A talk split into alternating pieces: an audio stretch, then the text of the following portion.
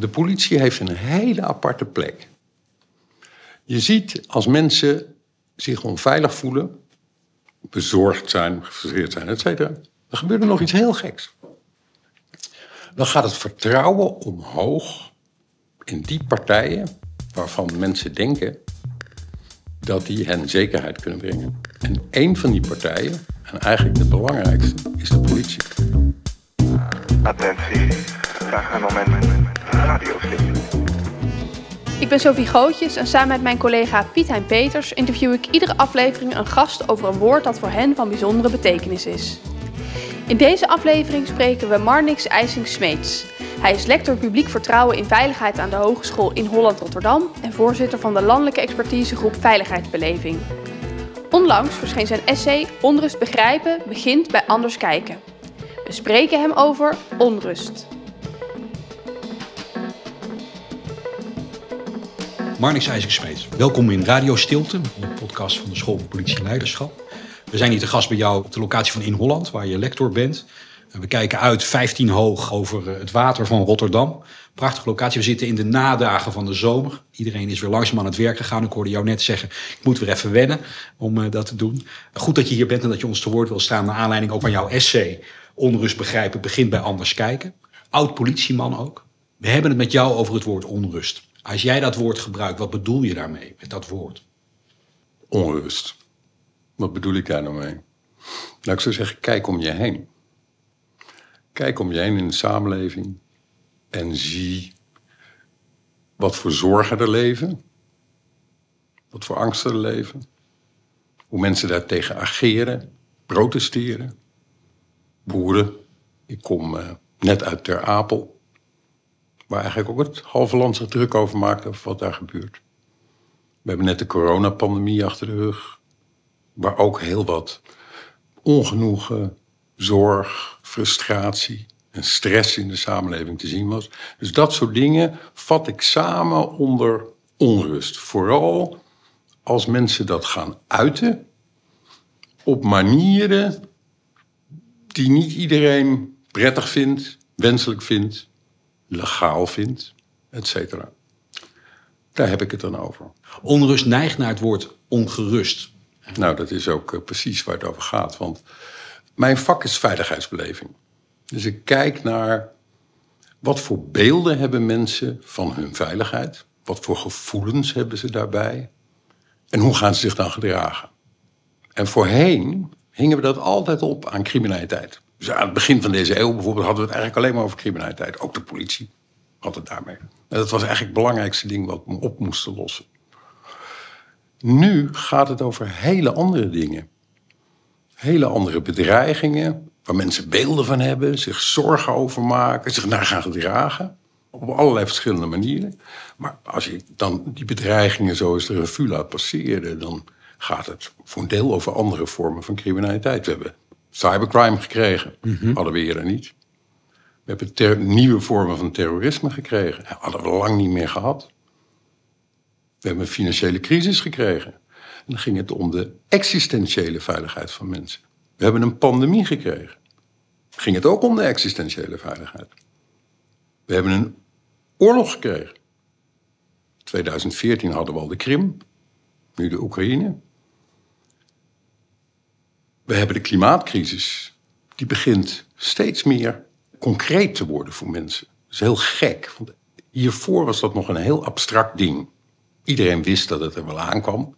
Tenminste, als je het wilde zien en wilde weten. Maar sinds vorig jaar, Limburg, de waternood België, ja. Duitsland, werd het opeens heel concreet.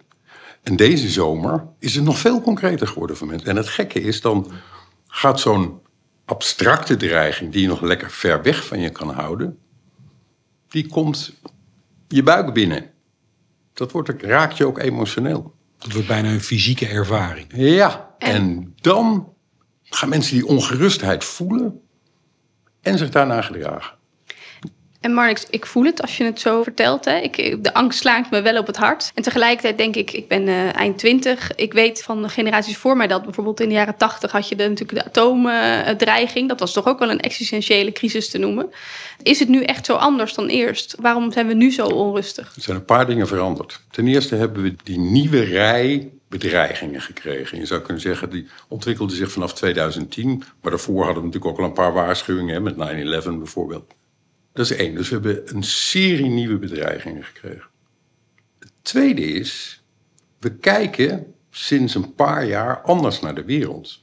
Want we hebben de opkomst van social media gekregen. Die heeft onze manier waarop berichten ons bereiken en hoe ze bij ons binnenkomen, hebben ze enorm veranderd. Want we krijgen ze nu razendsnel in grafische beelden, bam op ons scherm. Ook weer dichterbij. Dichterbij. Psychologisch is dat allemaal dichterbij gekomen. En daar zie je eigenlijk rond 2014 zit daar een breuk. Ik weet niet of je je kunt herinneren, Project X in Haarlem. Dat was 2012. De meeste volwassenen hadden op dat moment nog geen idee wat Facebook was. Dat was iets typisch jeugd. De opkomst van smartphones en social media was toen net bezig. En als je dan gewoon naar de penetratie daarvan kijkt, zie je dat in 2014 zit de meerderheid daarop. Dus vanaf dat moment is het een mainstream communicatiemiddel geworden. Dat heeft de lens waardoor wij kijken naar die nieuwe dreigingen substantieel veranderd. Het heeft de onrust vergroot. Dat is een factor geweest. En dan krijg je een laatste belangrijke ontwikkeling daarbij. Wat maakt dat jij je ongerust voelt of onveilig voelt? Dat is als je aan de ene kant je bedreigd voelt, in welk opzicht dan ook. En aan de andere kant je het gevoel hebt dat je daar niet genoeg tegenin kunt brengen. Het gaat om de combinatie van mogelijke schade die je oploopt en of je daartegen kunt verweren. Nou, en dat verweren, dat is dan doordat je dat zelf kan, of dat je dat met je sociale omgeving kan, of met de overheid kan. En daar is iets geks gebeurd. Na de, of eigenlijk in de financiële crisis is de overheid zich terug gaan trekken. We hebben het thema van de zelfredzaamheid gekregen. Is er gesneden in allerlei budgetten. Van de verzorgingsstaat bijvoorbeeld. Maar ook van het veiligheidscomplex. Dat betekent dat de beschermende werking van de overheid sinds die tijd is teruggelopen in de ogen van het publiek. Maar Terwijl, dus er ook- nog iets, terwijl er nog iets anders is gebeurd. Dat de overheid in een aantal opzichten ook meer de vorm van een bedreiging heeft gekregen. Door de manier waarop er gewerkt werd. En Toeslagenaffaire. dan heb ik het over Groningen. Ja. Dan heb ik het over toeslagen. En dat betekent dat je dus aan de ene kant nieuwe dreiging hebt gekregen. Aan de andere kant minder een bescherming van de overheid. Beiden nog eens vergroot door die nieuwe lens waardoor we keken. En dan zie je dat dat is wat er veranderd is. Terwijl we ook, dat is wel goed om erbij te zetten, we zijn, en dat was al eerder, een belevingssamenleving geworden.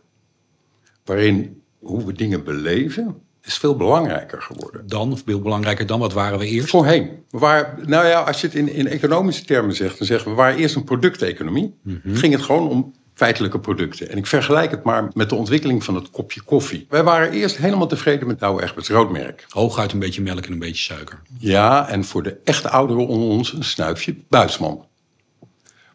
Dat heeft zich ontwikkeld naar, wij wilden graag een hippe koffieshop. Op ieder Met een politiebureau staat nu een eh, barista. bonenmachine. waar de eh, latte macchiato met het snuifje havermelk in ging.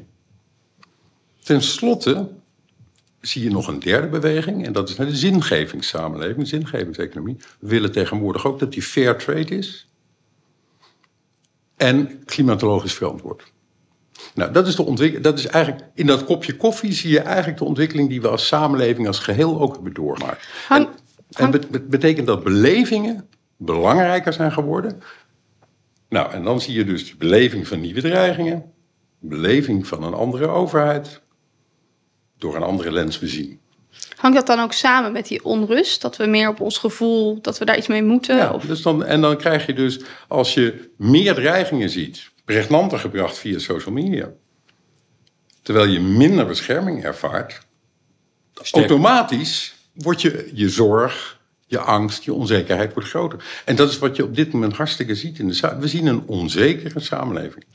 En als je dan kijkt naar die social media, is het dan vooral de, de dreiging dichtbij die ons vatbaarder maakt, misschien voor die gevoelens van angst? Dus dat we, nou ja, we zien de boeren protesteren, we zien de, de, de hooibanen in, in de fik staan. Of zijn het ook nou ja, globale rampen of, of rampspoed? Eh, ik heb eh, gisteravond eh, in de late uurtjes nog filmpjes gezien van Pakistan, waar het nu eh, ernstig overstroomt. Heeft dat ook invloed? Speelt dat op elkaar in? Of, of gaat het op één van die twee dingen? Nou, kijk, hoe meer het in de tijd dichtbij is, voel je het harder. Naarmate het geografisch dichtbij is, voel je het harder. Naarmate het sociaal dichtbij is, dus als jij Pakistani bent, dan voel je wat daar gebeurt in Pakistan op dit moment heel hard. En de vierde component is, eh, of het hypothetisch dichtbij is, loop ik ook de kans op zoiets. Dus als de, je beelden ziet van heel ver weg, die aansluiten op iets waar jij hier ook zorgen over maakt, dan hakt hij erin. En de- bijvoorbeeld, als dus in Pakistan wordt gezegd, dit heeft te maken met de klimatologische veranderingen. Hé, hey, dan mag je verwachten dat hij dus hier ook meer gaat doorwerken. Is het dan ook zo, Marnix, dat we uit een tijd komen waarin we een relatieve rust ervoeren? En dat we moeten wennen ook aan dat we minder veilig zijn, minder rustig zijn dan voorheen. Is het ook dat, dat we eh, geschrokken om ons heen kijken en zien van... hé, hey, ik wist niet dat mijn wereld er ook uit zo kon zien. Recent Ter Apel, waarin je in één keer artsen zonder grenzen in Nederland krijgt... wat tot voor kort volstrekt onvoorstelbaar was dat dat in onze wereld ook zou gebeuren. Is, is, speelt dat ook een rol dat we bijna wat vervreemd om ons heen kijken? Hé, hey, al die dreigingen waarvan we dachten dat die elders in de wereld plaatsvonden... blijken nu ook zich hier te kunnen manifesteren. Is, is, is dat ook gaande? Ik noem het het wakker in een vreemde wereld effect. Na 2014. Dat we denken, waar zijn we in verzeild geraakt? Dat als je nou je oor te luisteren legt, gewoon in het land, dan hoor je dat soort teksten heel veel. Wat gebeurt er nou?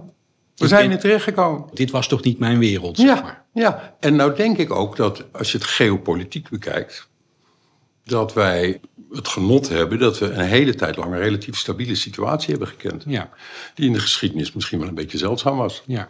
Maar er is meer. Hè? Er is, dus eh, de opkomst van social media heeft gewoon een hele aparte dimensie aan het geheel gegeven. En een dimensie waarvan ik zeg, dames en heren, laten we oppassen. We snappen er namelijk nog niks van, Ja. hoe dat doorwerkt. En daar moeten we als de sodemieter een inhaalslag op maken. Dat is ook dat anders kijken wat jij in de titel ook van jouw essay benoemt... en waar we zo meteen Ja. nog uitgebreid op ingaan. Ehm, wat, wat opvallend is, ik even stilstaan bij jouw werkwijze. Wat opvallend is de manier waarop jij vervolgens kijkt naar die onrust... is dat jij ook daadwerkelijk naar die plekken van onrust toe gaat. Je vertelde me ons net dat je ook recent nog in Ter Apel geweest bent. Maar daarvoor ga je ook bijvoorbeeld naar de coronademonstraties. Je gaat kijken bij de boerenprotesten, et cetera. Ik, ik wil daar even bij stilstaan. Wat, wat is daar de meerwaarde van? Wat, wat levert dat anders kijken voor jou? Want dat ben je dan aan het doen, denk ik, dan op. Nou, ik vertrek bij wat mensen ervaren, hoe ze denken, kijken en vervolgens doen. Dat haal ik voor een stukje uit surveys, uit enquêtes. Maar dat zijn vaak flinterdunne dingen. Dus dan kan je een aantal trends uithalen, maar je kan, ze, je kan niet precies aanduiden wat die trend nou betekent. Om een voorbeeld te geven, je kan twee wijken hebben waarin je alle twee meet dat meer dan de helft van de mensen zich onveilig voelt. Waardoor dat komt, krijg je nog niet uit je enquête. Daarvoor moet je echt die wijk in. Gaan praten met mensen, luisteren vooral naar mensen, kijken, ruiken, proeven. Ruik- ja, ruiken, ja, proeven? je moet. Het gaat erom dat je je kunt verplaatsen in die situatie en in die mensen. En dat kan je ook niet op basis van de media doen. Je kan niet op basis van de kranten, op basis van de krant kan je een eerste beeld krijgen, maar vaak is dat toch nog een beetje vertekend, bepaalde accenten in. Klinkt ook alsof je dat oordeelsvrij doet. Ja, essentieel. Essentieel. Je moet proberen jezelf even aan de kant te zetten. En heel open te kijken naar wie ben je nou? Wat maak je mee? Vertel eens. En daarna mag je oordeel wel weer komen. Dus daar had ik vorige week in Ter Apel best even last mee. Want de rook kwam uit mijn oren, zou ik je zeggen. Maar dan moet ik zo professioneel zijn om even in een hoekje van het terrein die rook uit mijn oren te laten komen. En dan weer open door te gaan. En lukt het je dan ook, Marnix, om, om die onrust te voelen van die, van die ander... waar je misschien ergens in je hoofd niks van begrijpt? Kun je dat ervaren, wat zij dan... Nou, het gekke is, ik kan het meestal heel goed begrijpen. Dat wil niet zeggen dat ik het goedkeur. Het wil niet zeggen dat ik het ermee eens ben. Maar als je gewoon open naar mensen luistert en je hoort hun betoog... Dan denk je ergens, ja, logisch. Ja, er zit best wat in. Ik zou een andere afweging bijvoorbeeld maken. En soms, laat ik ook heel eerlijk zijn, kom je ook volstrekt gestoorde verhalen tegen. Maar vaak, dus bijvoorbeeld in die coronademonstraties, daar ben ik niet alleen maar idiote wappies tegengekomen. Die helemaal los van de wereld zijn. Daar ben ik hele normale mensen tegengekomen. Die op basis van hele plausibele argumenten een andere afweging maakt. En, als, en, en dat verrijkt enorm. Want er is een befaamde persconferentie van Hugo de Jonge. Waarin hij zegt. Ja, tegen alle, we moeten mensen overtuigen dat ze zich laten vaccineren. En we moeten met ze in gesprek gaan. Maar in diezelfde persconferentie zet hij die mensen weg als onverantwoordelijk. Niet op feiten gebaseerd. Egocentrisch en nog iets. Nou, als je die oordelen door laat klinken. en je zegt: Ik wil zo graag met je in gesprek. ben je meteen volstrekt ongeloofwaardig. En nogmaals, nou, om dit voorbeeld even te nemen. Ik heb zelf de keuze gemaakt om me te laten vaccineren. Ik had eerlijk gezegd ook best een paar twijfels.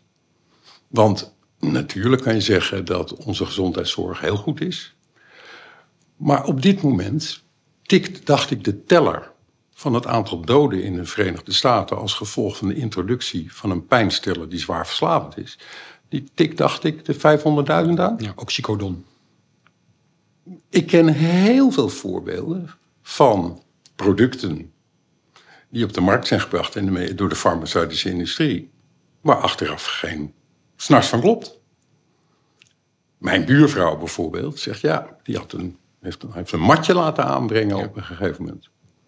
Dat ging werken. Even een matje aanbrengen in de baarmoeder. Als In de baarmoeder. Ja, ja. Haar moeder had een product gebruikt om miskramen te voorkomen, waardoor ze ze juist kreeg. Ze zegt, ja, maar ik geloof de farmaceutische industrie niet meer zo. En als ik haar verhaal nog, dan hoor, dan denk ik, meid, ik kan me dat heel goed voorstellen. Dus wie ben ik om jou voor gek uit te maken? En op het moment dat we dat doen, zijn we zelf aan het polariseren. Op het moment dat we die ander voor gek uitmaken. Ja. En ik zie polarisatie op dit moment als een van de grote problemen in onze samenleving. En wat is daar dan nu anders aan dan eerst? Je zei net al, de politiek of de overheid, is beter gezegd, is misschien een, minder een beschermende en meer een bedreigende kracht ge- geworden. Je hebt het nu over eh, nou ja, wantrouwen of, en terecht richting eh, de, de farmaceutische industrie. Is dat wantrouwen gegroeid of kijken we er anders naar onderling? Dat, dus, dus verklaren we elkaar gewoon eerder voor gek als, eh, als je niet dus hetzelfde wantrouwen of vertrouwen koestert als ik? Kijk, social media, die hebben, en het is niet alleen social media, maar social media hebben de mogelijkheid gegeven voor kleine groepjes om elkaar te treffen. Of om elkaar te horen. Waar je vroeger dacht, ik ben misschien de enige die twijfelt. Pik je nou heel snel ook anderen op die twijfelen en je, komt, en je kunt elkaar versterken. Dat is een belangrijk ding in het geheel. Daarnaast zie ik dat in die terugtrekkende overheid zie ik ook dat veel meer beheer op afstand is gekomen. Dat veel organisaties op veel meer afstand zijn komen te staan van buurten, van wijken, et cetera. Waardoor de communicatie min of meer technisch wordt. De warme relatie is weg. Juist in zo'n warme relatie ben je in staat om met elkaar te praten, Te luisteren. te luisteren, gezichtspunten uit te wisselen. En er is nog iets geks. Als mensen bezorgd zijn en ze merken dat jij daar belangstelling voor hebt, zonder meteen te zeggen dat je ze gelijk geeft, maar je hebt er menselijk belangstelling voor, Dat alleen al neemt wat van die zorg weg. Maar al dat soort draadjes hebben we steeds fragieler gemaakt. We zijn steeds meer verdwenen, zeker uit buurten waar mensen eigenlijk de meeste steun nodig hebben, zijn we steeds meer verdwenen.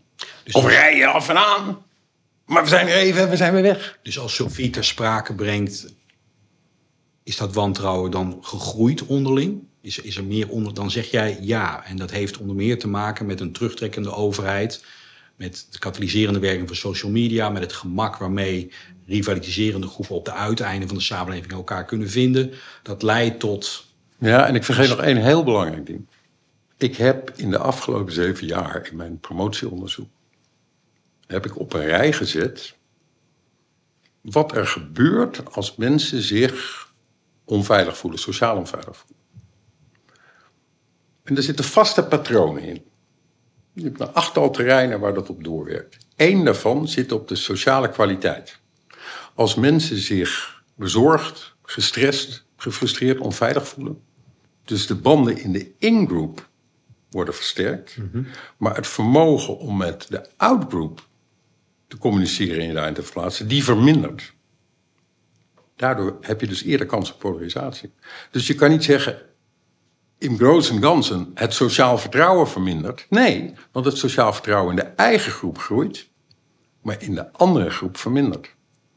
En dat leidt tot polarisatie. sterkere onderling, sterkere polen krijg je in Ja. feite. Ja. Je zegt het nu ook in, in je, je laatste antwoord, maak jij die verbinding ook. En dat is ook iets waar wij nieuwsgierig naar zijn in deze podcast. In je essay zet je op een gegeven moment de stap van onrust naar onveilig. Of dat, dat zijn begrippen die heel dicht bij elkaar lijken te liggen in de manier waarop je erover denkt en schrijft.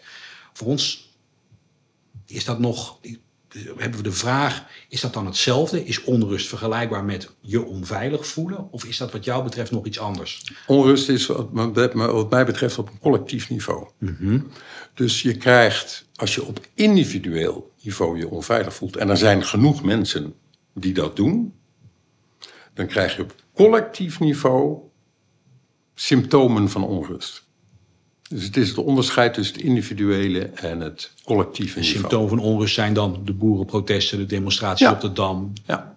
et ja. cetera. En het kan ook zijn, dus, dus Dus onrust is iets collectiefs. Onrust is iets collectiefs, Ja. zou ik zeggen. Ja.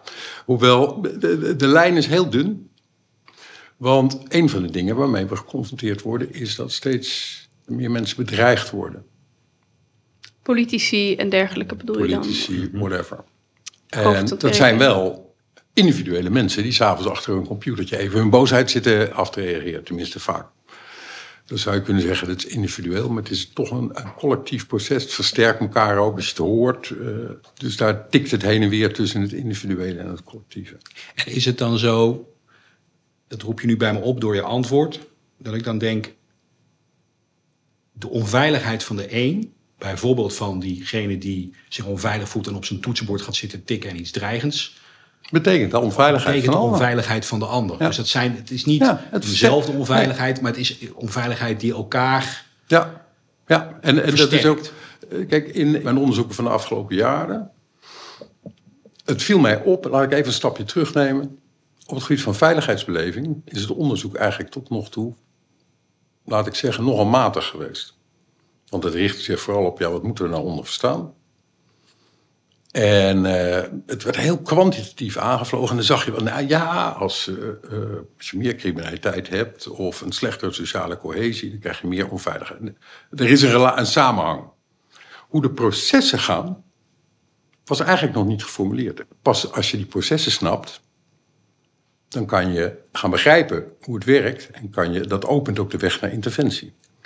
En wat ik ben gaan doen, is een aantal noties uit verschillende wetenschappen bij elkaar brengen op dit gebied.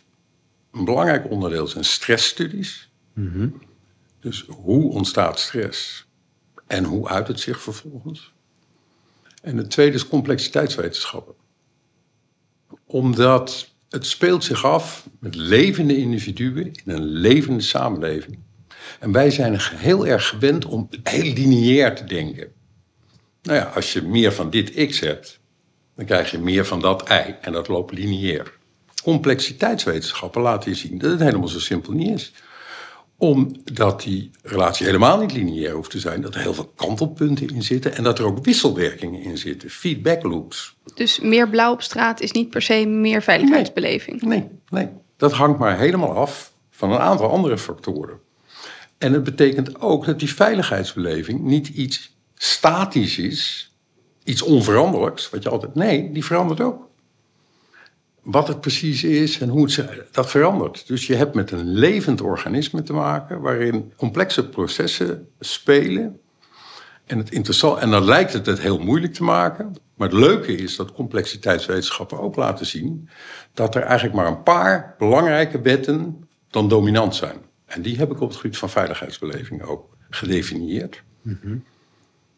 En dat betekent dat er maar eigenlijk een, paar belangrijke mechanismen zijn die je alleen steeds heel goed moet toepassen in die situatie, op dat moment, bij die groep. En dan kan je redelijk voorzien hoe het gaat lopen. Zoals ook aan het begin van de coronapandemie. Ik was bijna klaar met mijn proefschrift. En toen brak corona uit. Ik denk, dit ken ik. Volgens mij. Ik weet nu welke mechanismen. Ik heb zo'n vaag vermoeden hoe dit er ongeveer gaat lopen. Toen ben ik eerst als de sodemieter, echt in een paar dagen, heb ik eh, de wetenschappelijke literatuur uit de SARS en de MERS-epidemieën gehaald. En gekeken, klopt het wat ik denk wat hier gaat, eh, zou kunnen gaan gebeuren? En daar zag ik een aantal aanwijzingen in. Ja, het gaat hetzelfde. En toen ben ik die modellen losgelaten op corona. En ben ik verwachtingen gaan uitspreken, geen voorspellingen. Heel nadrukkelijk, voorspellen is niet mogelijk. Eh, Want je kan nooit met zekerheid zeggen, dit gaat nu gebeuren. Je kan wel verwachtingen uitspreken van dit gaat met een zekere waarschijnlijkheid gebeuren. Toen ben ik mindmaps gaan maken van wat we de eerste maanden zouden kunnen verwachten. 80% uitgekomen. Want welke mechanismen treden op? Op welke mechanismen moet je letten? Als je daarna gaat kijken naar die maatschappelijke onrust en hoe die zich ontwikkelt. Of naar die veiligheidsbeleving en hoe ze die... Nou, ten eerste moet je dus kijken naar die combinatie van enerzijds een dreiging en anderzijds wat hebben mensen het beeld van wat ze er tegen kunnen doen. Ja, dat je kan je vertelde. enorm beïnvloeden hè, als overheid bijvoorbeeld. Dat Hoeveel krachtig je bent. hoeveel krachtig je bent, maar ook de manier waarop je daarover spreekt als overheid, helpt al heel veel. Vervolgens moet je kijken naar zogenaamde copingmechanismen van mensen. Dus op eenzelfde dreiging gaan mensen op een verschillende manier reageren. Maar daar weten we ook van dat je die, die, die, die hebt. Dus sommige mensen vliegen in denial, ontkenning. Het probleem is er niet. Nou, dat zijn de mensen, ja, griepje zeg. Andere mensen die gaan vooral zoeken de sociale steun. En dat is heel interessant. Je ziet eigenlijk als we een nieuwe bedreiging hebben. En kijk maar gewoon de afgelopen jaar terug. Elke keer in het begin van een nieuwe dreiging. dan vliegen we elkaar om de nek. Ja, corona, de eerste maanden is natuurlijk het- bij uitstek het voorbeeld. Oh, wat zijn we solidair met elkaar. Applaudisseren Alleen- op het balkon. Ja, alleen dat is een tijdelijke. Andere mensen worden activistisch. Sommige mensen worden gewelddadig. Sommige mensen gaan ook. En ik vlieg er nu eventjes in vogelvlucht Maar dit, dit zijn mechanismen Dit zijn mechanismen. waarvan je weet die gaan Ja, optreden. die gaan gebeuren. En, en om er bijvoorbeeld even naar de relevantie voor de politie naar te kijken. We weten ook dat je een paar fasen doorgaat. Als er een grote dreiging is, laat ik nou bijvoorbeeld, ik ga even weg bij de corona, ik ga naar terrorisme bijvoorbeeld. Je weet, grote terroristische aanslag, krijg je eerst een dag, is iedereen geschokt en stil. Dan krijg je een enorme explosie van solidariteit, emotioneel uitlaten, et cetera. Na een week ongeveer zakt dat wat weg. En dan krijg je nog drie maanden lang een soort solidariteitsplateau. Daarin zijn afwijkende meningen bijna niet mogelijk. Tegelijkertijd, daaronder begint dat te broeien. Want mensen die geassocieerd worden met die terroristen, er worden erop aangekeken. En je krijgt soms hate crimes. Nou, dat soort patronen moet je even zien en weten. En je moet ook weten wat er dan gevraagd wordt van jou als overheid en bijvoorbeeld als politie.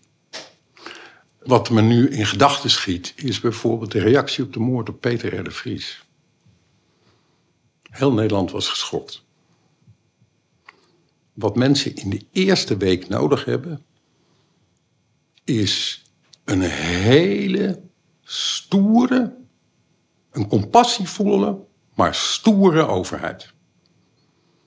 Dus je moet daar staan als een politiemens of een minister van Stavast, die benoemt dat we geschokt zijn, maar aan alles uitstraalt over mijn lijk dat dit bijvoorbeeld weer gebeurt. En wij zullen dit aanpakken.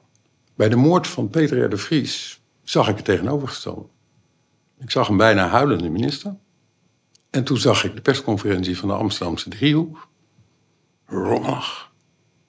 Waarin dat beeld van geschokt, maar stoer. En wij zijn er om u te beschermen, was er niet. Frank Pauw, Frank Pauw is normaal gesproken bij uitstek, uitstek iemand die dat kan denken, combineren. Prachtig. Ja. Net in die per- persconferentie niet. En dat creëert onrust. En dat vergroot, dat vergroot Ja. de, de angst, de zorg. onveiligheid. Ja, en zo werd er altijd gezegd... nou, na terroristische aanslagen moeten we geen leger of politiemensen met lange wapens op straat... want dat maakt mensen onveilig. En daar denk ik net even anders over... want net in die eerste week werkt dat uitstekend. En dat heb ik ook gecontroleerd in de aanslagen die er in het verleden zijn. Na Zaventem bijvoorbeeld. eh, opeens zag ik op Amsterdam Centraal voor het eerst politiemensen met lange wapens. Zijn was de sodemieter zijn we een enquête gaan doen onder eh, het publiek. Om te checken of onze hypothese klopte. En dat bleek zo. Mensen vonden het heel fijn. Je zegt al, een paar keer maak je al de stap naar wat aan de politie is of aan het veiligheidscomplex is in relatie tot die maatschappelijke onrust. Ik wil je nog één vraag stellen over die beleving van onveiligheid. Eh, Wat daar ook speelt is dat er discussie dan in de samenleving ontstaat. Bijvoorbeeld recent bij het AZC-hotel of bij het COA-hotel... wat in het oosten van het land dan gekocht is en het protest wat daar dan ontstaat. Dan zou je kunnen zeggen, die mensen daar voelen zich in jouw taal onveilig... en, en eh, te- laten dan hun maatschappelijke onrust zien. Maar dan zie je ook een reflex waarbij je zegt... ja, dat is geen onveiligheid, dat is gewoon racisme. Eh, dat is eigenlijk moreel gewoon apert wat daar getoond wordt. Schuif even je morele oordelen Dat is wat je bedoelt. Dat Ja. is wat je bedoelt. Ja, want die Zelfs mensen, daar. of dat terecht is of niet... voelen zich bedreigd. Ja, Nou weten we ook dat dat veel vaker was rond AZC's. En dat mensen, als een AZC er kwam en er was, zeiden: Oh. Nou, dus je moet mensen meenemen. Neem mensen mee. Gun ze even hun onrust. Gooi even je oordeel. hoe ziet het ook uit? Er zijn grenzen van het strafrecht. Ja, precies, maar, maar daarbinnen. Daarbinnen, snap dat. Neem mensen mee. En weet hoe het mechanisme uiteindelijk gaat werken. Ja. En kijk ook heel kritisch naar je eigen rol. Want we kunnen wel heel lelijk doen tegen die burgers die je zogenaamd dan er niks van begrijpen of, ehm, eh, Of dingen doen die niet horen. gedrag vertonen. Ja. Maar laten we eens kijken hoe moreel zijn wij als overheid de afgelopen tijd geweest. En daar heb ik ook nog wel eh, een appeltje over te schillen. Ja. En Marx, als ik je dit zo hoor allemaal vertellen, we moeten de psychologische mechanismen of, of het sociale mechanismen begrijpen die werken in, in de onrustige samenleving. We moeten een stoere, maar empathische overheid zijn. Ik kan ook denken, eh, nou, we moeten die politiemensen eigenlijk vervangen door eh, sociaal werkers en psychologen.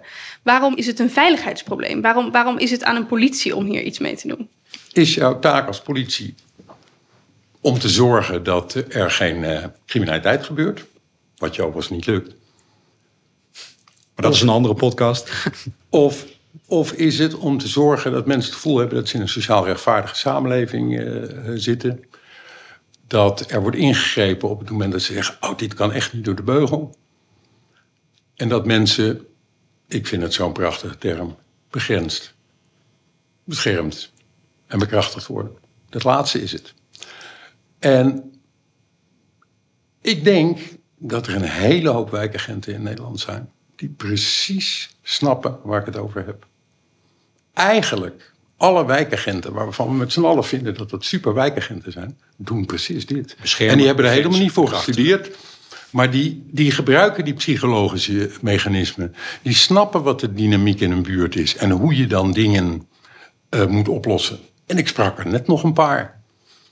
Die helaas op dit moment de politie verlaten Ik sprak er meerdere die de politie gingen verlaten, want ze zeiden: ik kan mijn werk niet meer goed doen. Als je denkt dat ik met één dag in de week die wijk goed kan bedienen, ik heb een zware wijk, en als je niet vindt dat ik, als je niet snapt dat ik relaties moet bouwen, netwerken moet bouwen, om wat voor elkaar te krijgen in de buurt, dan kan ik mijn werk niet doen, dan ga ik weg. Dus niet dat heen en weer chasen wat je net Nee. Ehm, sorry. En, wat jou betreft zijn we, dus niet, e- zijn we dus niet primair crime fighters, maar sociaal werkers. Als politie. Nee, je bent er om te, om te zorgen dat iedereen het gevoel heeft in een sociaal rechtvaardig eh, samenleving te wonen en dat de rechtsstaat dat die prevaleert. Maar misschien ben ik ongeduldig, Marnix. Maar waarom kun je me nog eens uitleggen waarom moet ons budget niet dan inderdaad naar het sociaal werk, het maatschappelijk werk, de buurtzorg, de wijkcentra? Waarom? Die zijn ook nodig. Bestaanszekerheid. Die zijn hartstikke nodig. Die zijn hartstikke nodig. Maar de politie heeft een hele aparte plek. Je ziet als mensen zich onveilig voelen, bezorgd zijn, gefrustreerd zijn, et cetera, dan gebeurt er nog iets heel geks. Dan gaat het vertrouwen omhoog in die partijen waarvan mensen denken dat die hen zekerheid kunnen brengen. En één van die partijen, en eigenlijk de belangrijkste, is de politie. Want? Dus dat is gewoon instinctief. Hè? Dit zijn instinctieve processen. Associatief. Mensen projecteren hun onzekerheid op de politie. En hopen, en dat zullen ze nooit letterlijk zo zeggen, maar, maar ze hopen dat de politie hen bescherming kan bieden. En zekerheid, stabiliteit kan bieden. Stabiliteit is ook een heel groot ding waar de politie voor moet helpen zorgen. Nou, en dan zie je overigens in de afgelopen jaren, zie je dat de middengroep uit het publiek, daar zie je een verhoogd vertrouwen in de politie. De uiteinden, die gaan precies een andere kant uit. Die zoeken hun zekerheid in iets anders. Eén daarvan is complottheorieën. Dus daar zit, men projecteert hun onzekerheid op een complottheorie. Dat geeft zekerheid. Maar je moet als politie snappen dat voor het grote publiek jij een moreel baken bent. Een moreel anker bent. Hoe dan ook. Hoe dan ook. En- En, die rol moet je met nog veel meer verven gaan spelen dan op dit moment gebeurt. En ik vraag me af, waar, waar moet je dan vooral op inzetten? Want wat maakt dat wij dat morele anker zijn? Dat is een, een oud filosofisch idee al. Is dat ons geweldsmonopolie? Is dat ons uniform? Is dat het feit dat we een overheidsinstituut zijn? Hè? Met, nou, je zou kunnen zeggen, de voeten in de klei. Dus tussen de burgers. Is het, een van die, is het iets aanwijsbaars wat ons dan dat maatschappelijke morele Jij bent een van de partijen die redding komen brengen op het moment dat mensen in de shit zitten. Maar dat zou, acuut. Ja, maar dat zou ook een gemeente zijn met eh, schuldhulpverlening. Of, Ja. of, een, of een, inderdaad sociaal werker. Die komt ook toch, als, als er acuut iets aan de hand is. Dan, dan word je daar aangemeld dan in dit geval tussen de, door de, politie. Ja, maar ik denk dat een hele hoop mensen... Psychiatrie misschien. Ik denk dat, nou, ik denk dat een hele hoop mensen op dit moment meer bang zijn van eh, eh, allerlei sociale interventies. Van, oh, nou raak ik misschien mijn kind wel kwijt. Of dan. Meer bang voor de sociaal werker dan voor de politieman of vrouw. Ja, dat zou wel eens kunnen, ja. Ja, dat, eh, in, een, res- in een onderzoek wat we nu hebben lopen hier in Rotterdamse wijken, komen we dat tegen. Ja. Maar dan Maar dus- mhm. je hebt, vergeet niet dat de, de werking van de politie. We zijn door de afgelopen jaren, en een van de ontwikkelingen die ik nog niet genoemd heb, is de ontwikkeling van NPM, New Public Management. Ja. Wat natuurlijk heel veel gedaan heeft. En dat heeft ook ervoor gezorgd dat we, dat we heel technocratisch zijn gaan kijken naar de rol van de efficiënt. politie. Dus als de politie maar meer delicten oplost, dan komen we er wel. Bedrijfsmatig. Daar Ja. gaat het helemaal niet over. De rol van de politie is bijna mythisch. En het interessante is dat als mensen denken dat er een goede politie is die ze legitiem ervaren, dan gaan ze zich ook beter gedragen. Wetenschappelijk aangetoond. Dan gaan ze zich meer naar de regelgeving gedragen. Gaan ze ook meer medewerking geven. Zodra de legitimiteit afneemt, gaat dat weg. Maar de, de werking van de politie, eh, de generaal preventieve werking van de politie, is vooral een mythische. Ah, Mensen moeten een beeld hebben van dat, ja shit, anders kom ik in de problemen met de politie. Ik heb ook wat in het verlengen van de antwoorden die je geeft op de aanhoudende vragen van Sophie, zeg maar. En, ehm, ook wel een gedachte die me dan bekruipt, dat ik het ook wel vind alsof het klinkt. Alsof jij zegt: de politie is our last resort. We hebben die instituties die onder druk staan, die zich eigenlijk niet zo goed gedragen. De overheid die ook een bedreiging is. Yep. En dan hebben we eigenlijk alleen. Ik vind dat nogal veel druk op eh, de gemiddelde politieman. Nou, en dat is jammer. Dat is heel vervelend. Had je, dat ja, had maar je dit vak niet moeten Nee, maar, dat- doen. maar dat is wel. Maar dat, Maar het is wel dat, dat is wel het geval. Ja. En dus ook echt, wat jou betreft, bedoel, dit klinkt wat dramatisch, maar de last resort. Het is wel in deze samenleving, met deze onrust, de politie, de positie van de politie is des te pregnanter, is des te belangrijker. Ja, net, net als overigens eh, rechterlijke macht vind ik er ook een hele belangrijke. Ook in dat veiligheidscomplex weer waar jij het dan over Ja, hebt. Ja, ja, Ja. Maar mensen hebben behoefte aan een veilige, rechtvaardige samenleving. Nou, daarvoor zijn beide nodig. En daarvoor zie ik bijvoorbeeld met heel groot afgrijzen... wat er op dit moment in de Verenigde Staten aan het gebeuren is. Waar in het gepolariseerde eh, gevecht tussen democraten en republikeinen de geloofwaardigheid van beide enorm wordt aangetast. Dus eerder stond al de lokale politiezorg enorm onder druk. Hè, en er waren vaak ook nog hele plausibele redenen voor. Maar ook de FBI Nu bij dat, wordt nu... bij het invallen bij Trump. Yes. Ja, en dan zie je ze. En dan zie je dus een of andere gek naar een FBI-bureau gaan... om daar eh, eh, de boel neer te schieten. Let op. Dus, dus ik vind... En we kunnen dan denken, dat is Amerika. Ja, de groeten. Dat is de leider, was het altijd van het Vrije Westen. En daar werd de toon gezet. En als het regende in Amerika, dan druppelde het hier. Maar dus je- je zegt in je essay, maar ook hier een paar keer, heb je het over de term anders kijken. Maar wat je hier nu vertelt over de rol van de politie, klinkt eerder als de klassieke rol weer herinnemen. Namelijk die wijkagent en die manier. Dus het, is, is het dan anders kijken of is het stap eens terug, kom eens terug van de manier van kijken die je ontwikkeld hebt de afgelopen jaren. Een keer terug naar die manier van doen, de manier van politiewerk die je decennia Ja. geleden had. Kijk, als ik het over de politie heb, zeg ik, hoef je niet zo anders te kijken. Tenminste, behalve als je tot de technocraten van nu behoort. Dan zeg ik, eh, wilt u even uw ogen open doen, even uw vakliteratuur gaan doen. En die, en die stroming zit in de politie momenteel. Absoluut, absoluut. Maar ook in het departement. Vandaar ook dat ik het heel erg vind zo, dat de politie zo dicht tegen het departement is aangetrokken. Ik vind het dodelijk voor, De, rol, dodelijk voor de rol die de politie nu moet innemen. Het anders kijken gaat mij om, zowel binnen de politie als bij allerlei departementen. Kijk minder technocratisch naar de samenleving. Kijk naar wat mensen drijft wat hun zorgen zijn en wat er vervolgens gebeurt. Coronapandemie vind ik daar een prachtig voorbeeld van. Het kabinet zette in op besmettingen en ziekenhuisopname. Maar niet op de totale dynamiek die in de samenleving ontstond. Rutte zei, ik heb geen behoefte aan sociologisch gewauwel. Dan denk ik, je bent niet van deze tijd, want daar gaat het nou over. En sociologisch is dat misschien niet helemaal eh, de goede term... want ik pleit voor een veiligheidspsychologische. Maar het gaat om... Je moet veel meer noties uit de sociale wetenschappen... nu in je professionele ransel hebben, anders red je het niet. Als je technocratisch blijft kijken, ga je de Bietenbrug op... Als je, Loopt moreel, als je moreel blijft kijken, ga je de Pieterbrug op, hoor ik je ook zeggen. Ja, ho, maar daar zit een dubbele in. Als je oordelend blijft kijken, dan ga je de Bietenbrug op. Maar als je niet beseft dat moreel leiderschap nodig is, ga je ook de Bietenbrug op.